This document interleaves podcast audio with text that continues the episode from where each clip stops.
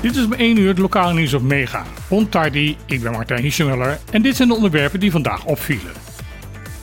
De Staat der Nederlanden en de curator van het failliete oliebedrijf Bopec zijn in een bodemprocedure voor de rechter gedaagd.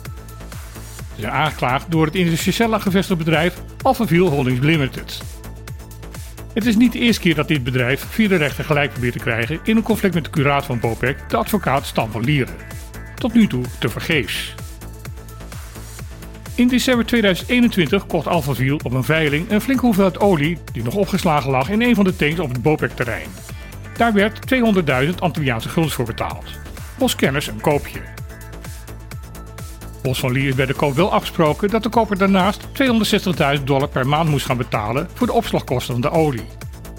Bos was de koper er ook van op de hoogte dat de installatie rondom de tank eerst moest worden opgeknapt voordat de olie veilig uit de tank gepompt kon worden. Alphaville heeft altijd geweigerd deze opslagkosten te betalen. Het bedrijf probeert nu in Nederland zijn gelijk te krijgen. Volgens de advocaat van Alphaville gebeurt dat omdat de rechters in Nederland minder voor ingenomen zouden zijn dan in Antilliaanse collega's.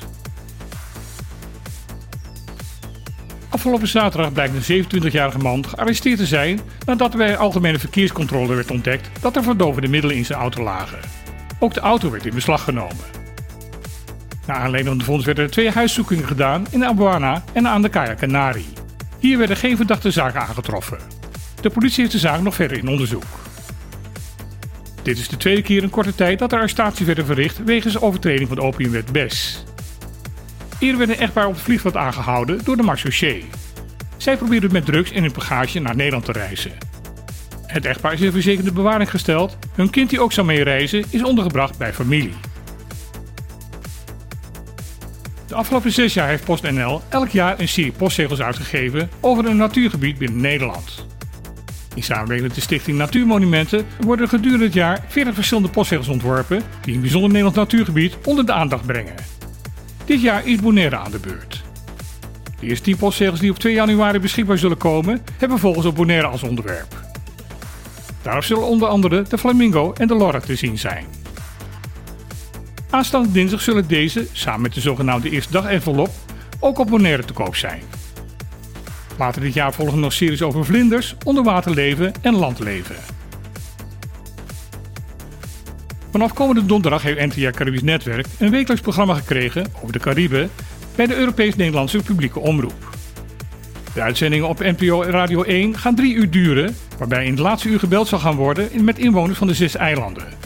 Zij kunnen de luisteraars in Nederland bijpraten over wat er allemaal gebeurt in het Caribisch deel van Nederland.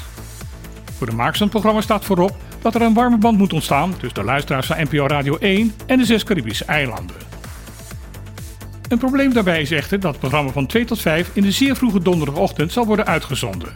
Een tijdstip dat de meeste inwoners van Nederland meer geïnteresseerd zijn in een warme bed dan in een warme band met een aantal eilanden aan de andere kant van de oceaan. Dit was het laatste lokale nieuws van dit jaar op Mega. Morgen van 12 tot 2 op de klippen. We zullen een soort overzicht gaan geven over de belangrijkste gebeurtenissen van het jaar. Heb jij daar iets over te vertellen? Kom dan langs in Club Torcadero en deel jouw verhaal over 2023 met de luisteraars van Op de Klippen. Voor nu wens ik iedereen een hele goede jaarwisseling toe en dan heel graag weer. Tot volgend jaar.